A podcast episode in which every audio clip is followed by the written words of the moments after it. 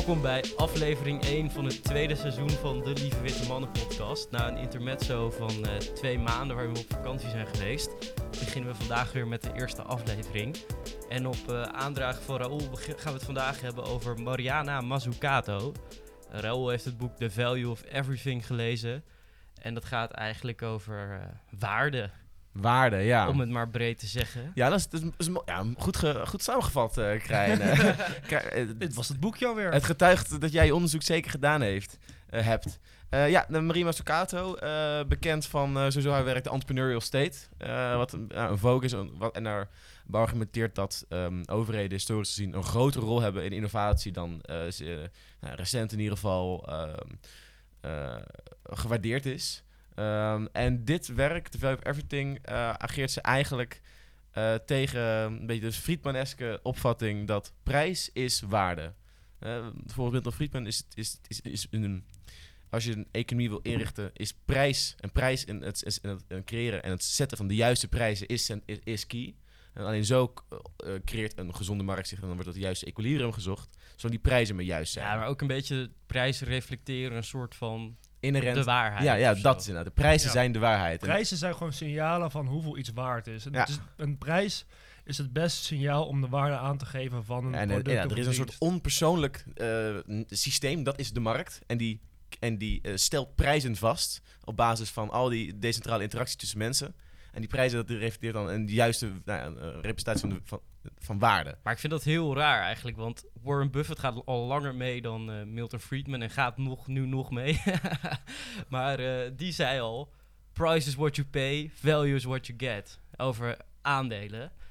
Dus de, de, wat, ja, een voorbeeldmarkt is de aandelenmarkt en daar betaal je al niet wat iets waard is. Nee, nee precies. En, en daar ageert ze heel erg tegen en zeggen van... Um, waarde, als we waarde samenstellen, uh, te beschrijven een aantal uh, historici, uh, historische economen, dus Smith, Marx, Keynes um, en Ricardo ook. Um, en, nou, Je hebt een heel andere perceptie ja, van ja, en, maar ook een bredere perceptie van in een economisch systeem, wat creëert waarde? Welke, bedrijf, welke, welke, welke arbeid, welk werk, welke beroepen, welke creëren echte waarde? En wat volgens Smith gebruikt is rent-seeking. Wel, welke groepen, of, of is volgens mij, Um, welke groepen produceren niks, maar ontnemen juist eten uit de economie? Hè, zoals bij Smit is het... Um, maar daar uh, komen we dan zo denk ik even weer op. Ik denk dat we eerst even een uitstapje moeten maken. Naar het opmerkelijk nieuws. Oeh, Voordat spannend. we ver deze aflevering ingaan. Het opmerkelijk nieuws is heel biologisch van aard deze keer. En het, het is zeker interessant. En het, is, het heeft zowaar niveau voor nu opmerkelijk. Oh jee. Uh, het artikel is: Pijlstaartrog in dolfinarium zou jong hebben gebaard zonder bevruchting. Het was nog niet bekend dat pijlstaartroggen zich konden voortplanten, of ze nog niet waargenomen zonder zeg maar uh, seksueel contact. Um, wel is bekend dat roggen zeg maar sperma van twee jaar terug kunnen bewaren en dan zichzelf daar later mee kunnen bevruchten. Maar deze rog heeft zeven jaar geen mannetje meer gezien. Dus het is onwaarschijnlijk dat dat gebeurd is. Dus het lijkt gewoon dat een pijlstaartrog in dolfinarium zichzelf uh, zwanger gemaakt heeft. Best wel opmerkelijk. Dat hebben we nog niet waargenomen. Ik, ik, vind deze, ik, ik, vind deze toevoeging geen waarde toevoegen. Heel biologisch. een value, als toch een value hebben. het is een beetje andere aard opmerkelijk dan normaal gesproken. Maar het is wel meer wetenschappelijk verantwoord. Nou, tof man. Ja, nou, ja leuk man. Hier mee, Misschien is het innovatie van de als, als, en, en, en, wat moeten we hier houden? Dus als jouw vriendin plotseling zwanger raakt en zegt, nou, ik heb al een maand geen seks gehad met haar, hey, uh, of maanden, dan, uh, en, en zij claimt van, ja, we krijgen we ook, we ook een zeven jaar plotseling uh, zwanger, dan geloof je het nu plotseling? Dit maakt alles weer goed. Hele scheidingen kan dit weer oplossen. Huwelijken weer samenlijmen. Totdat de DNA-test het niet doet. dat is wel een klein probleem. Ja, mensen zijn geen pijlstaartroggen, hè. Dus dat... Uh... Maar dit, dit laat wel zien, gewoon, je hebt geen twee, twee, twee dingen nodig om iets nieuws te creëren. Ook gewoon één entiteit kan ook gewoon iets nieuwe entiteit uit zichzelf creëren. Zo, dat is innovatie. Zo, innovatie. zo, zo. Maar weet je wat het leuke Gaat is? wel weer tegen de innovatie. Mariana Mazzucato, die uh, is ook heel erg betrokken bij de Green New Deal in de EU. En daar is het over doelen stellen en zo. En dat gaat, de Green New Deal gaat over klimaat. We gaan nog steeds niet het hoofdpad op, jongens. Want Jury is jarig geweest. Oh. Eh Jury, je cadeautje is er nog niet fysiek. Maar eh, hij is er wel. Hij is, hij. Jury, het cadeautje is er fysiek. Maar gewoon nog niet op dit adres. Wij hebben voor jou het fantastisch werk van nou ja, de, de, de, de- je, je favoriete filantroop. Waarvan de hele wereld voor mij ontzettend fan geworden is. Vooral een, eh, een, een soort een, een Nederlandse substroming die zich zeer veel inleest in corona. Eh, die Ja. is ook ontzettend fan van deze... Nou, chips. Ja, chips, ook chips fan. en, dan- en ja, deze, deze, deze levend, wereldverbeterende topper. Zal ik even aan de luisteraar vertellen wat ik ontvangen heb? Of wat ik ga ontvangen in de toekomst? Ik ga krijgen het, boek van, het nieuwste boek van Bill Gates. Hoe wij een klimaatramp kunnen vermijden. De oplossingen die er al zijn en, die de, door, en de doorbraken die wij nodig hebben. Dus dit boek, dat ik Krijn heeft meer wat over verteld. Maar dit gaat eigenlijk meer zo van Bill Gates gaat alleen maar zeggen innovatie, innovatie, innovatie. Maar ja, dat zegt Mazzucato ook. Mazzucato ook. En dan in de toekomst, niet, niet korte termijn innovatie, maar in de verre toekomst, dan hebben wij vast wel iets zo geïnnoveerd. Dan is alle problemen opgelost. Ja, dus eigenlijk zegt hij, we moeten nu even wachten tot er een paar radicale innovaties geweest zijn. En dan, dan pas daarop vol inzetten. Daarop moeten we inzetten. Dus eigenlijk alleen maar lang lange termijn inno- innovatie moeten we gaan realiseren eigenlijk. En het trouwens over radicale innovaties. Ik heb een Mazzucato natuurlijk opgezocht. Wat haar echte werk is als PhD-student, is dat zij correlatie heeft aangetoond tussen een hoge volatiliteit eh, van aandelen die radicale innovaties hebben. Dus eh, er is de, dat er veel correlatie of dat er veel volatiliteit in een aandeel zit, correleert met dat bedrijven radicaal innoveren. Dat is waar zij groot op geworden is. Eh, en daarna is ze heel veel andere dingen gaan doen. En is het over waarde gaan praten en over hoe innovatie, hoe we dat moeten najagen en dat de overheid erbij betrokken mag zijn. Ja, precies. En dat we rent-seeking moeten afstraffen. Ja, ja, exact inderdaad. Want het is daadwerkelijke productie, eh, eh, toch de- de daadwerkelijke toegevoegde waarde, echte value die gecreëerd wordt. En ze ageert dan heel erg nou ja, inderdaad tegen het rentzieken. Eh, en dan vooral met mate in, een financialise- in wat ze ziet als financialisering van de economie. Dus het is een tegenstander eigenlijk van de financiële markten. Ze ziet, eh, er moet ze is niet het tegen. sorry, sorry, vast sorry, niet sorry. tegen, Eh, eh, laat het omdraaien. Oké, sorry. Het is een tegenstander van de ontzettend grote rol die op, de- op, haar- op het huidige niveau eh, nu de financiële markten ehm, spelen in de economie. Eh, en ook de veelheid eh, eh, ondersteuning die vanuit overheden is om die financiële sector verder uit te, te, te breiden. Eh, de relatief om de kleine omvang van die financiële markten, zoals in de jaren 70, 80, ze ziet, ze ziet het ook meer als een soort, ook voor mij als een soort, als een soort, eh, als een voldo- iets waar, waar voldoende van moet zijn. Ehm, en zij eigenlijk heel erg tegen een financialisering van ook het normale bedrijfsleven. Een venture capital die naar bedrijven gaat, die eh, ontzettend veel eh, nou ja, Nou, ik vond daar niet prijzen creëert. Ik voel daar niet eens zo heel negatief over venture capital. Het is meer dat ze zegt dat venture capital pas instapt als een overheid zeg maar al een beetje een pad gebaand heeft. Waarbinnen Oh nee, en dit boek is kunnen heel erg tegen venture capital, want Nee, het, dan- produceert niet. Het, on- het ontneemt waarden uit een bedrijf door het op te knippen, eh, het niet productief in te zetten. Ja, complete nee, maar focus op korte termijn winsten. is volgens mij meer dat er vervolgens vanuit...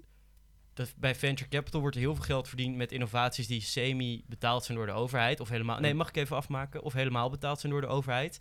En vervolgens gaan alle, alle opbrengsten daarvan gaan naar de venture capital mensen. En niet naar de overheid. Waarmee de overheid dus niet weer meer geld in innovaties... Ja, eh, Dus dit- de dit- overheid kan zeg maar de eh, investeringen in innovatie niet terugverdienen. ja. Omdat de winst die gemaakt wordt uit innovatie worden ontneem, ontnomen uit de, uit de bedrijven vi- via dat venture capital. Nou ja, dat... Dus het Maar zij zien venture capital ook als een, als een onproductieve manier van bedrijven eh, produceren, eh, als een bedrijf laten runnen, zeg maar. Omdat namelijk, het is, het is een, het is geen lange termijnvisie. En ze heeft over, eh, nou ja, de gro- te grote rol van finance en een, het, het- een casino-kapitalisme, waarin het doel is van, nou, eh, van de bedrijven om een korte termijn eh, high risk, high reward achtige ehm, bedrijf op te, op te stellen, waarin in haar eh, persoonlijke analyse in ieder geval weinig daadwerkelijke productie of ja, waardevolle productie wordt gerealiseerd. En de praktijk juist veel wordt opgeknipt, gemonopoliseerd in de vorm van, eh, van, eh, ehm, eh, in- van patenten. Men probeert vast te zitten op wat zij hebben, in plaats van daar verder op te produceren en eigenlijk echt innovaties te maken, maar gewoon de monopoliepositie proberen te creëren en die uit te buiten in plaats van echt waar te creëren. Dus daar ageert ze dan in ieder geval dit boek heel erg tegen. Ja, maar, meest, ja, maar dan kan je, kan je prima een argument van maken. Vind ik ook een goed punt. Maar bijvoorbeeld, we hebben in Nederland hier de HEMA gehad. In Nederland is ook, die HEMA is opgekocht door ook een venture capitalist. En wat hij vooral heeft gedaan, is gewoon alle panden die de HEMA bezit, gewoon gelijk verkocht. En Daar terughuren. keiharde, nee, daar keiharde winsten mee gepakt. En daarna moest je terughuren natuurlijk. Maar dat is zijn kosten weer voor lange, lange termijn. En nadat ze gewoon die hele grote winst hadden gepakt naar afwerken van de panden, toen zijn ze weer eruit gestapt en hebben ze weer alle aandelen van HEMA verkocht. Dus wat het vooral het idee is, kijken, hebben ze gewoon grote waarde op de balans staan nu? Dat, dat, dat koop je aan. Dat, alles wat waardevol is, dat ga je zo snel mogelijk verkopen. Om er zo'n hele grote rendement, heel groot winst uit te halen. En dan laat je het weer los. En dan laat je het weer verder, verder eh, doorgaan, zonder dat er echt nog waarde in het Ja, bedrijf zit. Maar ik denk Exact. dat ze de HEMA, dat dat niet zo'n goed voorbeeld is eigenlijk. Omdat het, een bedr- retailbedrijven zijn sowieso al niet zo innovatief. Nee, nee, het is geen, er zit geen Ze innovatie. zou, meer, het is geen eh, ze zou innovatie. meer kijken naar bijvoorbeeld farmaceuten die dan eh, Ja. voortbouwen op onderzoek van universiteiten, wat eigenlijk betaald is vanuit overheidsinstellingen. Daar een medicijn uithalen, dan gigantische marges daarop pakken. eh, en dan eigenlijk dat er dan niks van het geld terugstroomt naar de overheid. dat- of bijna ja, Het niks. is Dat- allemaal ja, als dat is wat casino-kapitalisme. Een soort blind, ehm, een blind korte termijn streven. eh, waar geen daadwerkelijk waarde, weinig waarde gecreëerd wordt. Maar wel grote geld in rondgestroomd wordt. Dus wel meetlat van BNP. En dus wel officieel eh, economische eh, activiteit is. Het eigenlijk in haar, opvat, in, op, in haar opvatting niet iets toevoegt. Niet productief is. Ja, dus ik vind het vooral, als ik haar hoorde praten in die podcast, dat ze heel erg betoogt voor R&D. En dat ze dan zegt van, ja, veel bedrijven die doen wel R&D, maar daar stoppen ze zo snel mogelijk mee als ze een product hebben waar ze geld mee kunnen verdienen. En ook voor bedrijven, omdat ze op korte termijn hun winst willen maximaliseren, is het helemaal niet zo interessant om R&D te doen, terwijl de overheid eh, veel beter in staat is om... eh, want langetermijnfinanciering is heel belangrijk voor grote R&D-projecten dat de overheid daar veel beter is om dat te financieren. En dan grijpen ze eigenlijk naar haar favoriete voorbeeld DARPA uit de VS. Dus het, eh, een instelling binnen het, het leger van de VS dat heel veel investeert in heel veel verschillende technologieën. Het internet komt daaruit voort. Het GPS-systeem. Het. GPS-systeem. Bluetooth hebben ze ook ontdekt. Ze zijn nu heel erg bezig met CRISPR-Cas en gentechnologie. Eh, atoombommen komen er ook uit.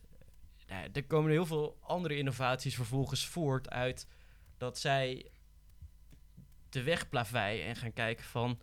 Zo, zo, hoe moeten we dit eigenlijk insteken? Ja, ja, die mission economy van haar. Dat, ja, dat we Ja. een doel mo- moeten hebben. En dat daar net heel van die neven Ja, en dat, bij komen. dat daar dan heel veel economische waarde uitgecreëerd wordt uit andere technologieën die daardoor ontstaan. Ja, dat je dus overheid ook niet per se, dat zeg je ook weer, dat niet, niet de markt moet na proberen te doen. Dat je juist als overheid een, een unieke eh, collectieve, Een kracht co- collectief vermogen hebt inderdaad om ja, onze missie. Maar ik vind streven. ik vond Ja, je- helemaal niet zo haat op de markt. Ik vond juist eigenlijk dat ze zei, ze is- overheden en de markt zijn complementair. En ze is ontzettend zijn- voorstander van een goed, pro- eh, eh, echt een, een goed werkende markt. Maar ze nooit- wil ook niet een nooit- top-down benadering van innovatie. Want dan zegt Nee. ze ook dat de Sovjet-Unie ook niet werkt. En dat klopt ook, want zo'n top-down benadering kan je heel veel kennis opleveren, maar geen kennis die Persoonlijk nodig initiatief is gewoon heel belangrijk. En dat is ook voorstander van de markt. Maar het is een beetje eh, saving capitalist van de capitalists. Even capitalism van de capitalists. Je moet markten tegen de kapitalisten beschermen. Want een echte markt dat is gewoon een vrije intera- interactie tussen individuen. Maar ja, er is natuurlijk ontzettend, het heeft een ondermijnende, het heeft een ondermijnende, ondermijnende tendens in de vorm van nou ja, die rentseeking. Nou ja, en dat is, dat, is, dat is ook een relatief veel wijdverspreide opvatting. En daar Ja, is de kern van haar maar- natuurlijk ook. Waar eigenlijk tegen, tegen is dan... Je moet de overheid niet als een, eh, als een actor op de markt zien... maar een overheid als complementair zien. Dus de Ja. overheid kan zeg maar echt heel goed lange termijn visies stellen... van wij willen... eh, ze hebben die die eh, mission economy eh, projecten van haar... dus juist eh, ruimtevaart, we s- speciale dingen voor het leger ontwikkelen... omdat er Duurzaamheid. duurzaamheid, omdat er ook gewoon druk is.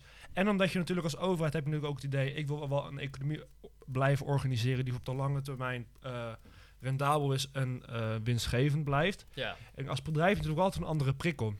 ja. Je, hebt altijd, je wil altijd als bedrijf ieder jaar gewoon winst maken. En je bent altijd op zoek naar winst. Dus als je op een gegeven moment hele grote R&D-projecten... waarvan heel onduidelijk is of je daar winst van kan maken... dan snap ik ook wel dat die op een gegeven moment afgestoten worden.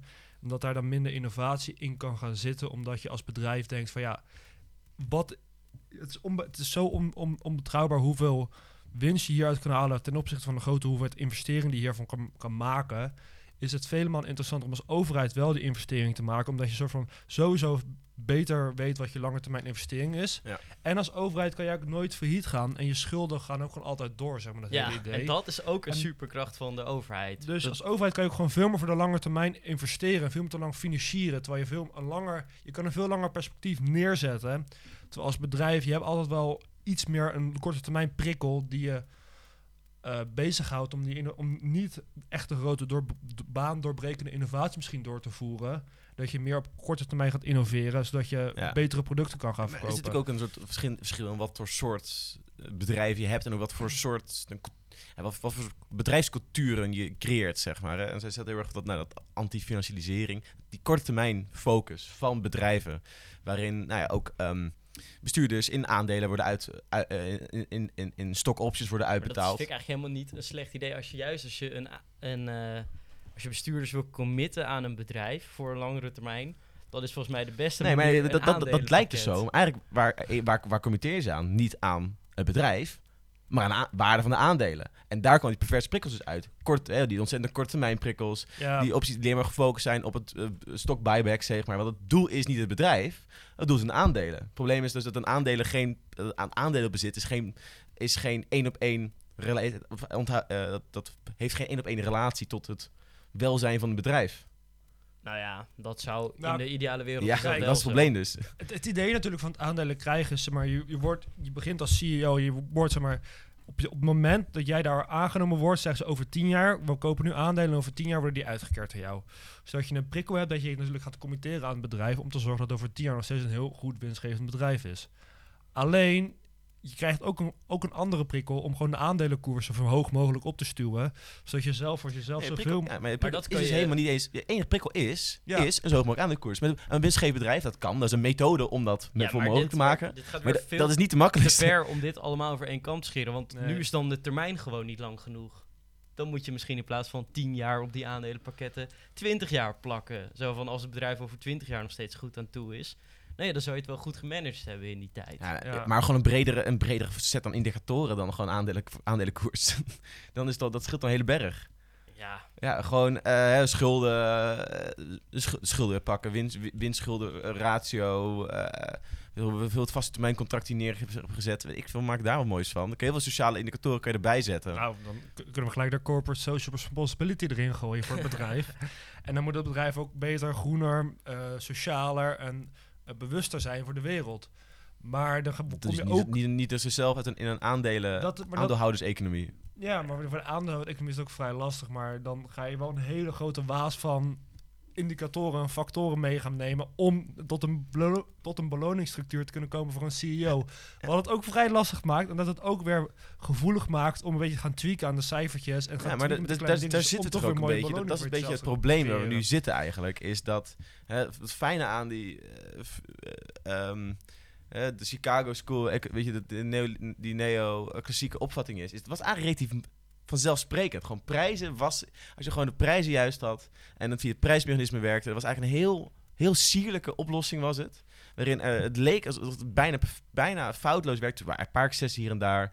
Maar dat het bijna zo'n foutloos ideaal systeem was. was eigenlijk een heel mooie illusie eigenlijk. het is gewoon theorie. Ja, en de helaas in de praktijk is het gewoon niet zo mooi gebleken. En nou, om, om dan, nee, de, de tijd bleek dat een bredere, op, een bredere welvaartsopvatting was anders dan een, nou, een, welvaartsopvatting die vooral bestond uit het maximaliseren van prijzen. In ieder geval eh, een GDP-manier voor hoe dat berekenen. Dat hebben ze natuurlijk ook, dus natuurlijk ook in fantoomgroei, zeg maar. Hè, dat, het, dat het een dat, eigenlijk een, niks aan het groeien zijn. Dat het allemaal een beetje, saus is. Ehm, en dat is het probleem. Dus het zit natuurlijk mee. Dat al, nou, we kunnen wel zeggen, oh ja, brede eh, die brede welzijnsfactoren en eh, corporate social responsibility, dat is erg vervelend. Er komen extra aspecten bij. Maar ja, dat is wel de realiteit nu. Dat makkelijke oplossing is niet meer, ja, dat klopt toch niet meer. Ja, maar dan komen ook al op het algemene kritiek op, op hoe, je, hoe je BBP bijvoorbeeld gaat uitrekenen. Dat is ook heel kortzichtig natuurlijk. En veel te veel op alleen Ja, en pak je per individu of op huishouden. Ja, dat en maakt pak ook je per individu verschil huishouden en hoe ga je het meten en over welke jaartallen. Het, het maakt heel veel uit en het is heel, Maar ik vind- heel, heel selectief. Ik vind het juist eigenlijk een slechte dat, dat je niet de goede kant op gaat als je haar op deze manier beschouwt. Want ze wil juist dat je niet te veel in die spreadsheet kijkt als je beleid maakt vanuit een overheid, maar een doel stelt. En als je een doel stelt, dat in die, die andere podcast haalden ze aan, Kennedy, haalden ze Kennedy aan en die zei in zijn speech voordat ze naar de maan gingen: eh, Het wordt duur. Het wordt het duurste wat we ooit gaan doen en het wordt het moeilijkste wat we ooit gaan doen. Maar alleen met zo'n mentaliteit kan je innoveren. En innoveren gaat helemaal niet over een spreadsheet met dit zijn de verwachte omzetdingen. Plus je hebt het probleem dat het heel moeilijk meetbaar is wat de winst nou is van innovaties die de overheid ehm, voorbereid Ja. heeft. Terwijl die winst voor maatschappijen ervoor gewoon voor zorgt dat je een kenniseconomie kan zijn of niet. Dus het is best wel een stap die heel veel oplevert, maar het is moeilijk te kwantificeren. En dat zie je bijvoorbeeld ook nu. eh, en natuurlijk, eh, nou, in de economische of theorie is het. Zou China geen succesvolle economie moeten zijn? Want eigendomsrechten worden niet, of in ieder geval niet voldoende goed gerespecteerd. Want het idee in- een situatie met perfecte eigendoms eh, en eh, perfecte eigendomsrechten en persoonlijke rechten. Dat is de beste, hè, de beste voedingsbodem voor innovatie. Want je bent altijd zeker voor dat je, dat je de fruits of je eigen labor kan plukken, zeg maar. In de praktijk voert China een autocratisch systeem wel ontzettend slimme industriepolitiek. Met het ondersteunen van high-tech high-tech industrie. Op manier die we in het Westen afgestoten hebben. Ja, dat is niet meer relevant. Dat, dat, dat, dat, geen eh, eh, innovatie. Maar in praktijk zie je dus in China een situatie dat het ja, niet ideaal is. Hè, niet het ene moet overnemen. Maar dat het dus wel, toch nog wel hè, positieve effecten heeft. En daar komt het ook een beetje op terug. Die, de rol van de overheid in de economie, die blijkt dus toch wel relatief gewarmd. En die Chinezen hebben af en toe best wel een interessante opvattingen over na. Ze hebben nu ehm ontzettende clampdown gehad op eh, de Chinese ehm, digitale diensten eh, eh, sector. Met ehm, Jack Ma en Tencent, die ze, waarvan ze de, de, de directeurs, et cetera, ehm, nou, eigenlijk onderdrukken of op een plaats zetten. En ehm, bepaalde eh, uitbreidingsmogelijkheden, zoals naar de beurs gaan. Bij Bouwdouw was het in Amerika ook, ook Puritan te, eh, weg te zetten. Want ze stellen zelf dat de digitale service-economie, dat is, geen, dat is niet een productieve genoeg... E eh, dat is, niet een, dat is een platform. Het enige wat je creëert zijn platformen. En je produceert zelf niks. En China wil een heel... En dat, nou, dat is niet wat een maand geleden is. Een heel, heel rapport uitgekomen. Uh, China, een grote speech geweest. Um, en die wil dus ontzettend focussen op maakeconomie. Dat willen ze heel graag in China houden. En dat begint ook weg te lekken. En nou, die hebben een heel duidelijk voor hun wat voor hun waarde is. Wat voor waarde zij in hun economie willen creëren. Zij hebben een mission, een doel, namelijk een materiële superpower zijn. En daar is dus GDP niet belangrijk voor, want zij willen die productie hebben. Ze hoeven niet per se die service, ze willen geen service-economie te zijn, waar misschien wel geld in rondgaat, maar ze niet productiekracht hebben. Nee, dat, is niet, dat is niet dat, dat, niet dat wij daarna moeten doen, maar dat geeft wel aan dat, nou, ons, dat, het, dat het dus wel zeker in andere gebieden, in China, daar is men echt die stappen aan het maken naar ja. een andere opvatting van waarde. Zeker, maar, dat zijn, maar daarnaast is Xi Jinping is ook echt een strijd tegenaan tegen digitale miljonairs. Dus tegen mensen zoals Jack Ma en andere uh, Chinezen die heel rijk zijn geworden met hun uh, technologische bedrijven. Hij is heel erg tegen de vermogensongelijkheid die gecreëerd is. door de die mensen liepen groei. ook niet meer helemaal in de pas. Die, En die mensen ook waren niet- groter geworden dan de communistische partij. Ja, en die waren groter geworden. En nu is eigenlijk de communistische partij is echt keihard aan het terugpakken. Keihard weer macht aan het grijpen. Dus ieder, ieder topbedrijf moet weer partijmensen in de, in de be- bestuursraden hebben. En er is gewoon weer een, echt een terug van de greep van de macht. China, China moet gewoon weer socialer, gelijker. En echt gewoon Dictatuur, meer... dictatoriaal. Nee, maar dictatoriaal, maar ook weer meer communistisch De worden. meer normale burger moet er meer van, moet er meer van, eh, meer Ja. van, de welvaart meekrijgen. Ja, de Chinese middenklasse is nog steeds heeft ontzettend lage lonen. Dat is natuurlijk nou, waar ze die groei Ja. op gebaseerd hebben. En, en zeg maar, hij wil echt de vermogensongelijkheid en de inkomensongelijkheid. Die wil er weer echt nog strenger, nog st- sterker aanpakken. Dus van dat eigenaren niet eigenlijk gewoon keihard kunnen profiteren van de winst Ja, die ze hebben maar- geboekt met de technologische bedrijven. Door ze op de beurs te zetten in Amerika of in Hongkong. En daar is ook een groot deel van de strijd. Dat zeg maar die Jack Ma en andere grote eh, technologie-eigenaren, technologiebedrijf-eigenaren. Ja, de- die, die ja. zijn juist zoveel, zijn ze zo machtig geworden en zo groot. Dat ze bijna groter dan En inderdaad, er zijn natuurlijk die services die vooral in het buitenland ook bekend zijn. En die ook ontzettend makkelijk naar het buitenland kan wegschalen. Terwijl eh, dat is, kijk, die, die lokale miljonairs van de maakeconomie, de Huawei, top, topvrouw en zo. Die mogen best wel een beetje bij het pad lopen. Want al, de hele infrastructuur van het hele bedrijf, dat, kan, dat blijft in China, zit vast daar. Dat, kunnen ze niet zomaar wegverschuiven. Terwijl die service-economie, dat is zo gevaarlijk eraan. En veel geëngageerder in het Westen. En je kan eigenlijk druk op de knop, nou relatief, zou je, zou je je hele operatie zou je naar buitenland kunnen vers- ver- verstoten, zeg maar. En daarom is het interessanter. Ze vinden het en die productief. En dat is natuurlijk veel linker voor hun, maar dat is, dat is een politieke overweging. Tegelijkertijd Ja, maar er nog niet helemaal van afgekeerd hoor. Nee, Want nee, ze zeker. met, ko- komen meteen met maatregelen dat ze eh, bepaalde eh, beursdingen en kapitaaldingen gelijk gaan schakelen met wetgeving in de VS, omdat ze toch niet alle buitenlandse investeringen willen wegjagen. Eh, ze zien namelijk ook wel dat ze zo'n platform toch wel nodig hebben. Maar ik denk gewoon dat het meer is dat ze in China wat eh, daadkrachtiger zijn als het neerkomt op herverdelen en eh, Nou, maar, en, en, maatschappelijke veranderingen. en een door. platform is ook gewoon, je moet een platform hebben, je moet er genoeg hebben. Ja, maar ik Je vind het... je- ja, het zeg maar, het moet een- groot genoeg zijn en moet het enabelen, maar het doet verder niet de dominante sector te zijn. Nee, zeker. Maar een platform, je, je kan niet zomaar platformen uitschakelen en zeggen van... ja, we hebben niet nodig, want ze voegen niks toe. Platformen zorgen wel ervoor dat bedrijven, eh consument en bedrijven... of bedrijven onderling of consumenten onderling... in, eh, in contact komen met ja, elkaar. en elkaar vinden. Het is echt een enabler van Ja. economische groei ook. En des te Ja. groter het platform, des te meer waarde. ja, des te meer het waarde is. Dus het is wel hartstikke nuttig, maar je moet niet... Kijk, ik ben gelijk met je. Ik vind, je punt goed. Je moet niet alleen maar een economie hebben van Maar platform-economie. het is slecht als ze rent-seeking kunnen toepassen, omdat ze zo groot zijn en de monopolist Ja, ja. zijn op het netwerk. Dus dat is ook weer... Dus daarin moeten ze wel weer de balans vinden. Ze willen gewoon een platform dat zo min mogelijk winst maakt. In ieder geval genoeg om het, te kunnen, om het, kunnen, eh, om het rond te kunnen maken. Maar dat geen economische, dus politieke macht weet te verschaffen. En ook dat het niet, je geen Amerikaanse economie krijgt. Dat alleen maar een logistieke economie is eigenlijk. Waar niks geproduceerd wordt. Waar het gros van de economie is of platform, eh, of een beetje R&D wel. Maar ja, waar, waar, waar, zaken zoals Walmart en Amazon eh, de grootste werkgevers van heel Amerika zijn. Terwijl dat zijn, dat zijn gewoon logistieke bedrijven en platformen. Maar vooral logistiek zelf, dat is eigenlijk het enige waar men in werkt. Ja, maar wil je, wil je nou echt stellen dat de Europese economie heel erg anders is dan de Amerikaanse? Nee, nee, nee, nee, ook nee, wel nee, nee, nee, dat is natuurlijk. niet denderend hoor. En, Duitsland is enige uitzondering. enige En als het, uitzondering. uit het Roergebied is enige uitzondering in heel Europa. Een beetje Milaan, Ja, een beetje Polen, eh, Zuid-Polen, Roemenië een beetje. best wat gemaakt in Europa hoor. Er Maar best wel wat gemaakt hoor. Maar het, Dus- het- Dus ik kreeg heel veel terug, hè? Want eh, de transportkosten zijn 15 over de, de, de transportkosten zijn 15 keer over de kop gegaan. ja, de, gisteren een stuk BNR. containers zijn helemaal uh, lijp gegaan. Dat ze dus, eh, dat ze dus eh, eh, heel veel kledingfabrikanten gaan, naar, gaan naar Polen of naar, eh, of Turkije vooral. Turkije, maar ook is- Portugal en zo. Maar gewoon ja, terug naar Europa in ieder geval. Ja, omdat het gewoon... eh, vooral die lonen zijn natuurlijk duurder ook geworden in China en andere landen. En mensen zijn ook gewoon bewuster geworden van eigenlijk de ellende die, die we hebben in Bangladesh met eigenlijk de moderne slavernij. Dus er is meer zo'n bewustzijn van we moeten eigenlijk wel een beetje op een- op een normale, gewoon degelijke manier kleding gaan produceren. Maar dit gaat ook over waarde weer. gaat Hè? ook over waarde, ja. We gaan niet meer alleen maar naar de kosten slash de prijs kijken. Het mag iets duurder zijn. Als, Als- het betekent dat het... Ja, en dat is ook weer een beetje het shareholders-kapitalisme, wat het hele idee is. Al is het natuurlijk vooral, kijk, uiteindelijk, is het, uiteindelijk maken. bedrijven zijn op het algemeen ook gewoon wel pragmatisch. En mensen. Ja, het zijn gewoon mensen die bij bedrijven Maar werken. Ze, gaan- ze gaan niet, kijk, ze willen al jaren in Europa, dat zeggen de, de, zei de, eh, journalisten van BNR ook.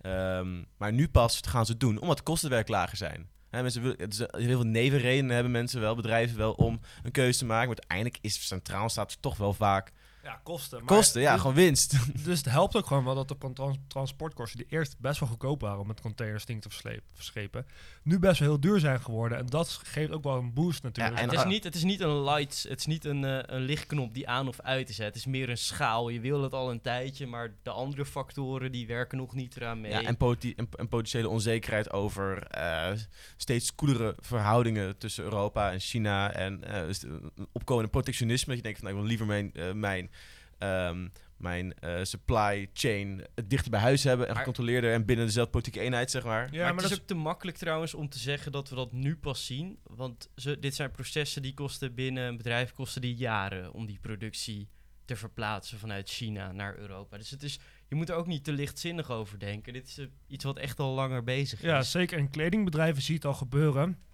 Vooral echt fast fashion bedrijven zoals de Primark en de Zara. Die proberen al meer rond Europa te produceren.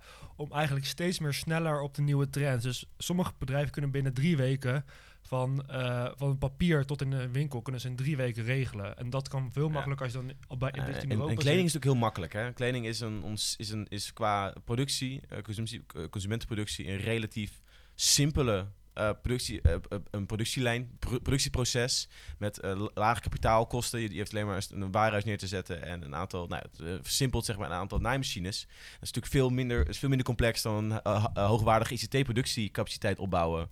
Met, met complexe fabrieken, fabrikanten. Ja, maar en de juiste fabriek bouwen is ook nog niet via... Ja, maar- ja, maar, alsnog, maar voor een gebeurd. kledingfabrikant, dat, een, een kledingfabriek, dat zie je ook, daarom zie je ook in derde wereldlanden, is dat de soort productie Ja. die het snelst opgezet wordt. Want een, wat, want een lokale entrepreneur met 50.000 eh, dollar, die kan daar een kledingfabriek beginnen. en, kan voor de, en, kan, en kan voor een goedkope Europese retailer gaan produceren. Maar een fabriek is niet een fabriek. Een fabriek is ook toevoer van grondstoffen en juist het vervoer van het eindproduct. Ja, maar Dus er zijn Maar- veel meer logistieke wat, ik stromen zeg is, het is gewoon, het, het is echt gewoon relatief. hè. Kleding Maar is het- veel, goed, veel makkelijker dan andere. voor- Het, dus het, gaat, het, gaat erom, gaat niet het gaat hier om de complexiteit van de industrie waar het over praat. En de textielindustrie is een van de makkelijkste, Ja, een van dat. de minst complexe industrieën als je het vergelijkt met een hele lastige ICT-industrie. Of een medicijnenfabriek Of een medicijnenfabriek. in. Dus zeg maar bijvoorbeeld een ASML-fabriek die chipsmachines maakt, die kan je niet zo makkelijk in Ethiopië neerzetten.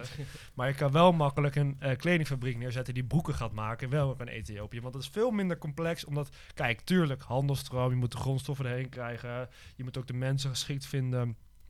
Redelijk complex nog steeds. Wij kunnen het niet zomaar een middagje opzetten. Maar het is toch wel iets anders dan een, Ja. chip, eh, een chipmachine maken in eh, Eindhoven. Dus er Ja. zit wel een niveauverschil tussen in complexiteit. En dat snap ik wel Oze punt wel. Daarom wil je het ook weer terugvoeren. Daarom is het best wel makkelijk om het over te plaatsen. Maar welk, waar ik nu terug wil komen. Wij hebben geleerd bij ons eh, vak vorige periode over de maatschappelijke kosten-batenanalyse. hè. Ja, Zou Mazzucato daar fan van zijn of zou ze niet fan daarvan zijn? ik denk dat ze daar wel fan van is. Maar ehm, het probleem van die innovaties... Dat is eigenlijk haar punt ook wat ze zegt. Die kosten die zijn heel duidelijk van wat het kost als, de- als DARPA 100 miljoen niet spont. Maar we, we zien niet in één jaar de spoils, zeg maar, de opbrengsten van dit soort technologieën. En wat we niet zouden zien in onze economie als we bijvoorbeeld geen ruimtevaart hadden gehad. Of, eh, Nee, dus de maatschappelijke baten zijn eigenlijk vrij onduidelijk om te zien. Ja. Nou dus. Ja, dus ze is, niet, ze is niet per se tegen die kosten-batenanalyse, maar ze zegt gewoon... Ze Die gewoon- kosten zijn heel goed in te schatten, maar de, de baten zijn niet zo duidelijk in kaart te brengen. Maar het is wel, ze heeft wel echt een hekel aan de spreadsheets eh, manier van beleid organiseren. Daar is wel echt een hekelpunt van haar. Dus dan moet je eigenlijk de, die, die ma- maatschappelijke analyses, die maatschappelijke kosten-batenanalyse, moet je eigenlijk wel weer anders inzetten naar haar idee. Ja, met, ja, inderdaad ook dat, die, de logica van, nou, zoals eerder ook al zei, dat de overheid heeft eigenlijk geen, kan gaan. Het idee inderdaad, er eh, eh, je kan niet de, de overheid moet je niet zien als een groot bedrijf waar we allemaal geld betalen en waar iets uithalen. Het is een totaal andere entiteit met een andere logica, andere fiscale en financiële logica, eh, die ja, dus ook kansen met zich meebrengt. Kan ook niet, radicale innovatie kan je niet met een spreadsheet beschouwen, want het gaat gewoon je rijkste fantasie voorbij hoe groot de opbrengst kan Ja, zijn. zeker. Maar Eh, Zoals Jeff Bezos, die had een soort quote, eh, zo van, als je in honkbal een home run slaat, dan is dat maximaal vier punten waard als de honken vol zijn. Maar als je in business een home run slaat, dan zijn de returns oneindig. Omdat er gewoon, je bent niet beperkt aan, in het echte leven ben je niet beperkt aan dat soort regels zoals binnen het honkbalspel. Dus dat is ook een beetje waarom radicale innovatie zo geweldig is en waarom je dat na moet jagen. Omdat het, dus de returns kunnen gewoon vrijwel oneindig zijn. Een spreadsheets logica, dan het enige wat je hebt, is het enige waar je mee kan werken, is wat je hebt. Ja, Er zit geen verdere, er zit, geen multiplier meer op. Zeg Nee. maar. Ja, hooguit een, je hooguit een GDP-groeicijfer kan je eraan vastplakken. Denk van nou, daar zit- zitten dan innovaties bij. ja, En verder heb je daar totaal geen mogelijkheden om daar nog een beeld van te krijgen. nee. Maar dit zijn Ja. dingen die in Silicon Valley begrepen worden. Maar als je een overheid Ja, maar, hebt... maar nu is de vraag, en we hebben natuurlijk de, de Green New Deal. Voor mij heb je daarin wel echt duidelijk dat je gewoon telkens moet presenteren, dit zijn de kosten, dit zijn de baten. Anders gaat, er, gaat je plan door of niet door. Heb, snappen, hebben wij het al door dat je eigenlijk niet alles zomaar kan berekenen met het hele spreadsheet Ja, maar je ziet ook bij de, Europese, je ziet, je ziet er ontzettend veel projecten ook in Europa waar de overheid duidelijk een, die, een, een rol speelt. Eh, je hebt natuurlijk eh, de windmolenfabrikage in Duitsland, waar de prijs van nou, is, is, is is in Denemarken een kwart van is geworden. De ontzettende support achter ehm, zonnepanelen. Die ontzettend goedkoop zijn geworden. Dat, dat, die, dat, dat- die, die prijspush van de overheid. Op een bepaalde manier. Nou, ze zitten niet zelf direct in. Maar dat is ook al een, hè, een, een duidelijk mission-oriented manier van denken van een overheid. Nee, die vergroening. En natuurlijk het ontzettende project om kernfusie eh, voor elkaar te krijgen. Waar, 50, waar ze nu voor 50 miljard een reactor voor aan het bouwen zijn. Wie is Frankrijk. dat, eh, in Frankrijk. Ja. Is dat vanuit de Franse staat? Nee, nee, nee. Frans- Het is, is Europa plus India, eh, Rusland en Japan. 50 miljard. Vij- voor, één, voor één reactor die nooit energie gaat maken. Dan gaan ze een keer fusie, gaan ze proberen het voor elkaar te krijgen en een, een periode. En dan komt er een nieuwe reactor.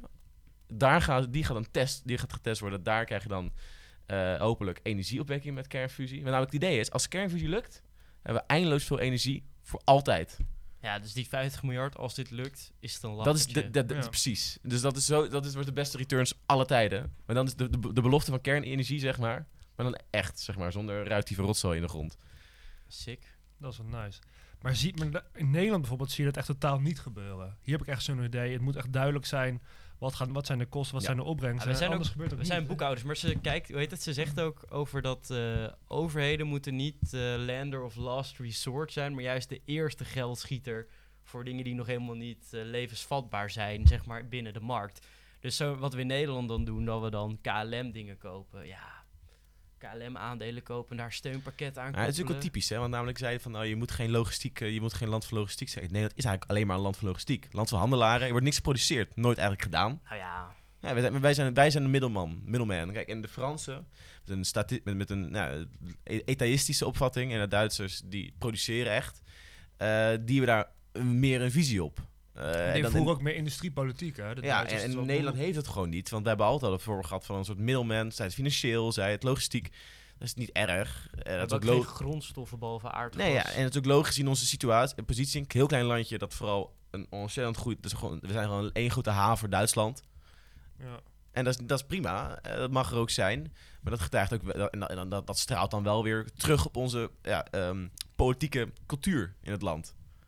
En ook onze i- idee over industriepolitiek. Ja, en, hoe bedrijfs, je, onze bedrijfscultuur. en hoe, hoe je innovatie moet realiseren binnen een economie. Nou, tegelijkertijd hebben we wel gewoon bedrijven als ASML. Ja, die zijn wel goed van de grond gekomen. Alleen maar door mede van Philips. Maar dat is ook een beetje wat je ziet bij Philips. Als er een spin-off is van Ja. eh, Philips, dan moet je dat kopen. En dan moet je meteen al je Philips aandelen laten voor wat het is. Want die spin-off doet het vaak veel beter dan Philips zelf. Ja, maar Philips heeft zichzelf, heeft zichzelf helemaal eh, oplopen, oplopen knippen in, ehm, in een eh, return on investment, maximalisering zeg maar. Dat Philips alleen maar bestaat als, als fantoomnaam, verkocht aan een Chinese partij om, om, ja, als, als fantoomnaam in de, in de consumptie Ah, ehm, goederenmarkt. En voor de rest, eh, ja, ze maken heel go- goede medische apparatuur.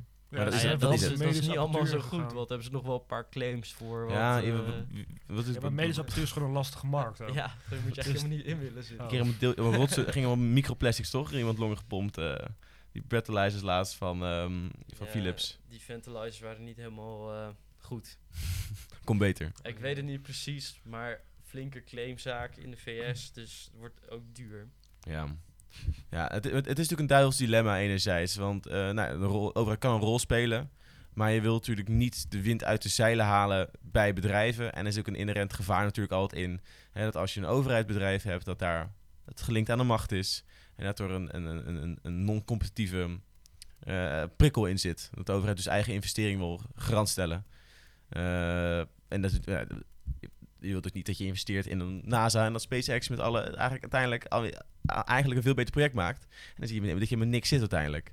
Nou, en dat er dan een, een, perverse prikkel hebt om een, de, de minder positieve producent voor te trekken.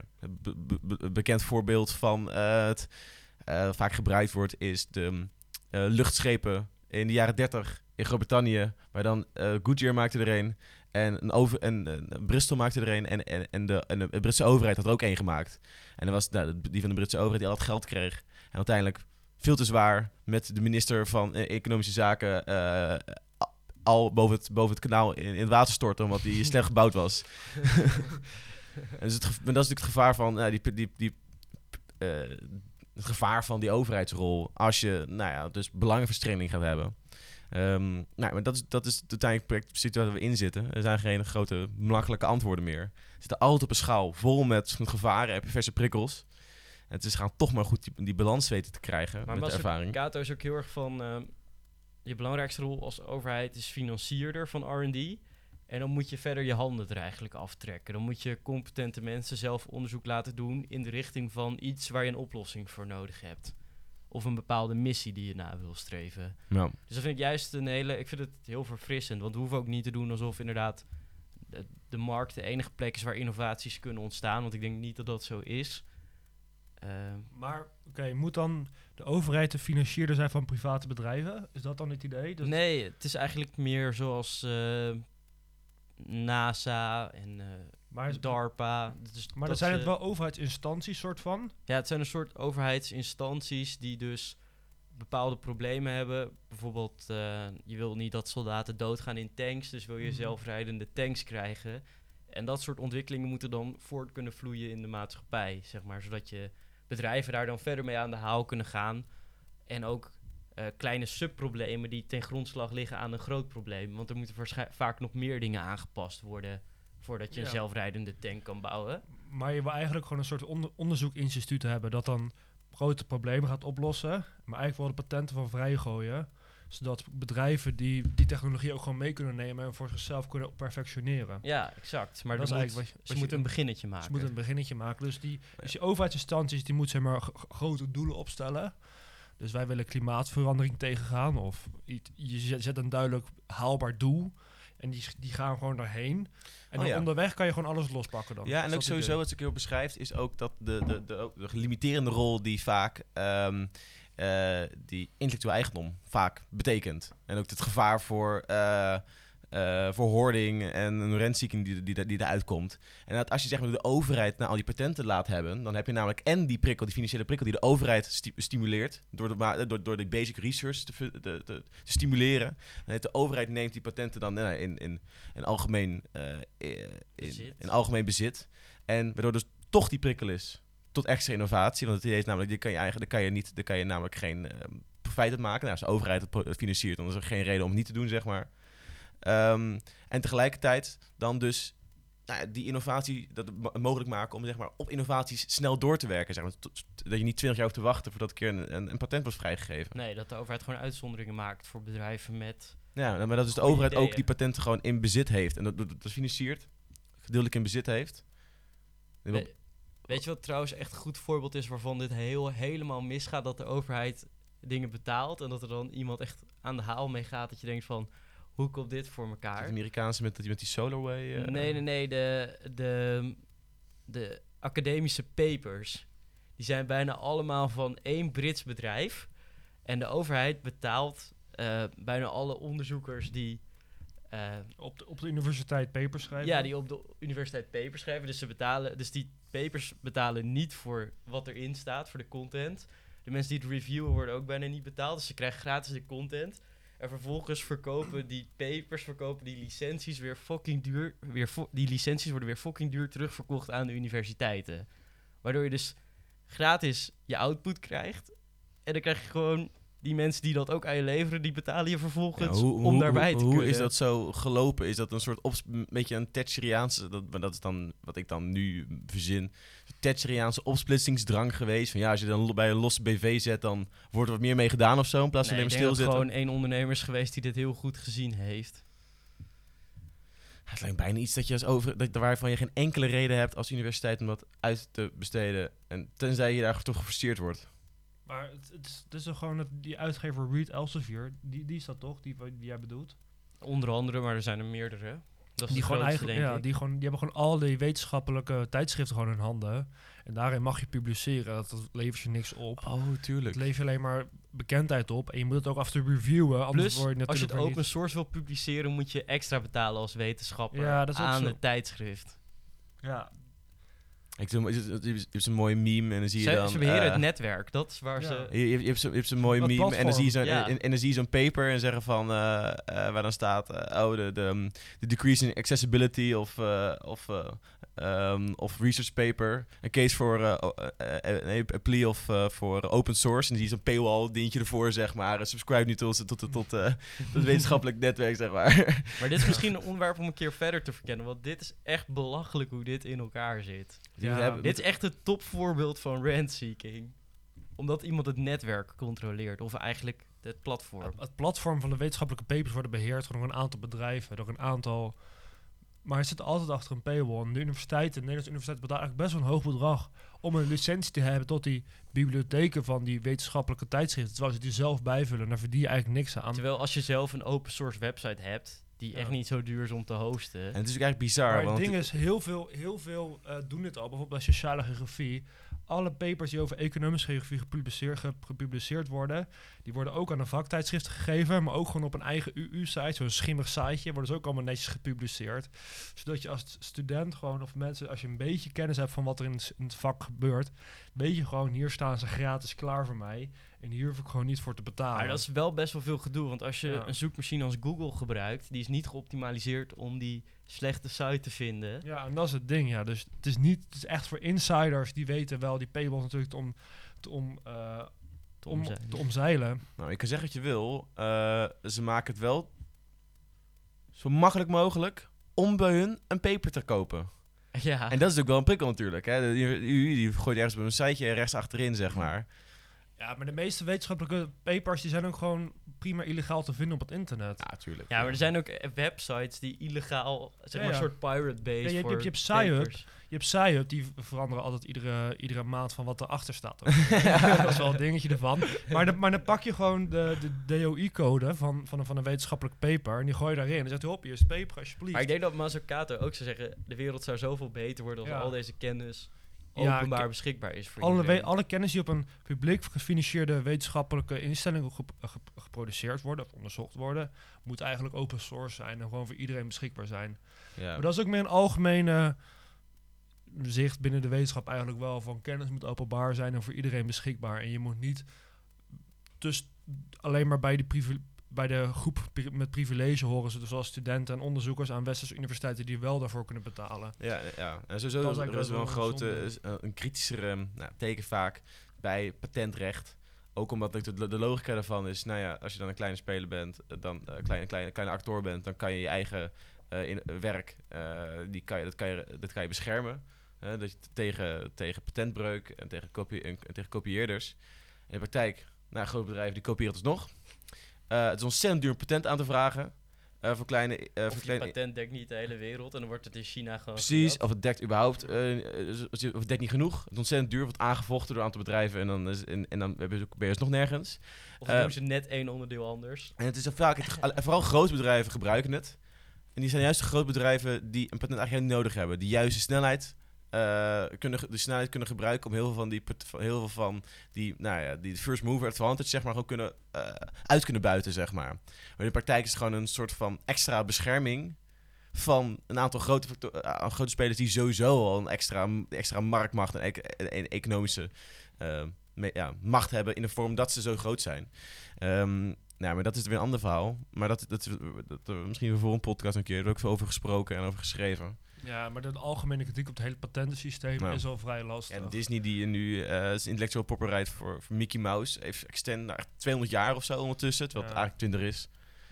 Ja, het is, het is een beetje raar van die hele patentbescherming. Som, kijk, de, de idee erachter natuurlijk heel goed. Je als kleine speler wil beschermen, maar het hele systeem erachter, dat werkt voor, eigenlijk voor geen meter Beschermt geen kleine spelers nu. beschermt geen kleine spelers. Wordt, de meeste patentzaak ging altijd tussen Samsung en Apple. Gingen gewoon lekker vechten over welk knopje hebben jullie nu op je nieuwe, te- nieuwste telefoon gemaakt. ja. En waar heb jij je camera neergezet? Want ik heb ook daar mijn camera aan. Dan gingen ze daar weer vechten. En dan gingen ze weer naar Duitsland. Want daar mocht je weer dan voor heel Europa het gaan uitvechten. En dan moesten ze weer legers met advocaten erheen sturen. Terwijl Een soort schijnwerkloosheid. schijnwerkloze. Terwijl, Ja, ja, ja. Terwijl als je- als je- jobs hoor. Maar, maar stel je bent een kleine Europese telefoonfabrikant, dan kan je toch helemaal niet mee in dat hele juridische gevecht tussen die twee grote spelers. Je hebt sowieso niet het financiële, financiële middelen om iedere keer weer een heel advocatenteam erop op te kunnen sturen. En je wordt sowieso eh, eruit geprijsd. Ja, maar, en, maar en, Samsung. op Jullie die betalen manier, meer. het, het, het ondermijnt ook innovatie in de vorm dat ehm, het niet eens is dat ja, maar Oh, zeg maar, dat- zeg maar jij... ja, maar zeg maar- Zonder patentrecht is natuurlijk, is natuurlijk het risico omdat dat ze je te kopiëren. Mhm. Met patentrecht is het risico dat ze je en je uitvinding jatten. En nog zeggen, hé, hey, dit is ons patent eigenlijk. Dus je, hoeft niet, je kan het zelf niet eens gebruiken. ja. Dus je kunt het van je afnemen en dan zeggen we, oh, het, dekt het is al gedekt onder een patent van ons. Dus donder helemaal op. Dus, dus, Ja. dus het ondermijnt actief in sommige situaties zelfs eh, innovatie. Maar ik denk dat deze patentensysteemkritiek wel voor een andere podcast moeten Zeker. laten. Misschien is het tijd om af te ronden. Zullen we allemaal even Matsukato bedanken? Wat willen, we, wat, wat, nee, wat willen we de luisteraar nog meegeven na het eh, luisteren van deze podcast? Wat was onze eindconclusie hiervan? Dat, het niet altijd, dat de prijs niet altijd reflecteert wat de waarde van iets is. Vooral maatschappelijk gezien. Ja, en dat eh Matsukato dus wel echt tegenstander is van de financiële markten. Omdat het, het is, het is, het is een middel. Ja, ze ziet gewoon een hele selectieve rol ervoor weggelegd. Ja. En die is niet wat het nu is. Ja, en dat Ze is en- vooral tegen het waarde uit de markt halen. En ze is, ze is veel meer pro eh, waardecreatie natuurlijk. voor Ja, ja, ja, precies. En de financialisering heeft dan het idee dat het is vooral ja, het krijgen van rentes Ja. op zaken. Het is gewoon, het, gewoon het, de, de, de value extraction. En mag ik eindigen met de quote van, eh, van, Ja, van, van, van, eh, van Smith over landlords? Ja, die, die, die is er ook geen fan van. Even kijken hoor.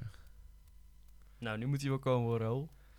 Um, the landlords, like all other men, love to reap where they never sowed and demand the rent even for its natural produce.